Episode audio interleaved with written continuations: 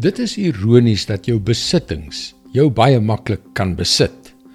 Die dinge wat God vir ons tot ons voordeel en vir ons genot gegee het, oorheers dikwels ons lewens.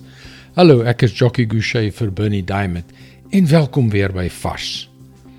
Hulle sê daar is basies 3 fases in die lewe: om goed te begeer, goed bymekaar te maak en van goed ontslae te raak.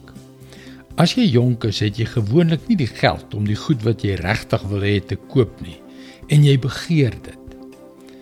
Ek onthou hoe ek as tiener graag 'n transistor radio wou hê.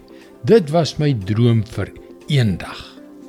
Soos jy groot word, begin jy om die goed aan te skaf wat jy nog altyd wou hê en sommer nog 'n paar ander ou goedjies ook, duitjies en datjies.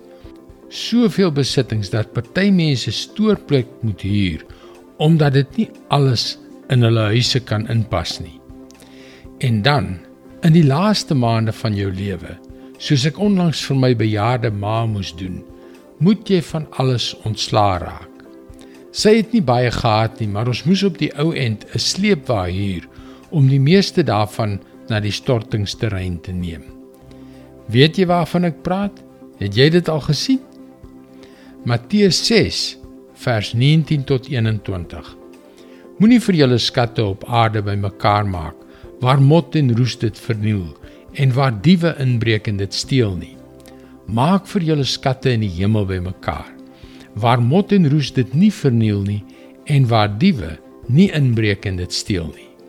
Waar jou skat is, daar sal jou hart ook wees.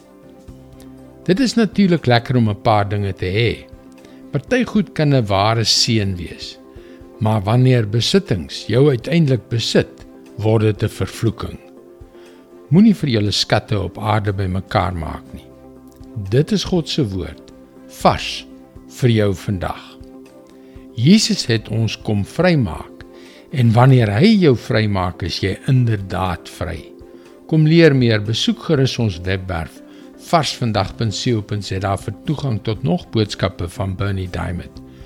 Sy boodskappe word reeds in 160 lande uitgesaai en bereik daagliks meer as 10 miljoen mense. Skakel weer môre op dieselfde tyd op jou gunstelingstasie in vir nog 'n vars boodskap. Mooi loop. Tot môre.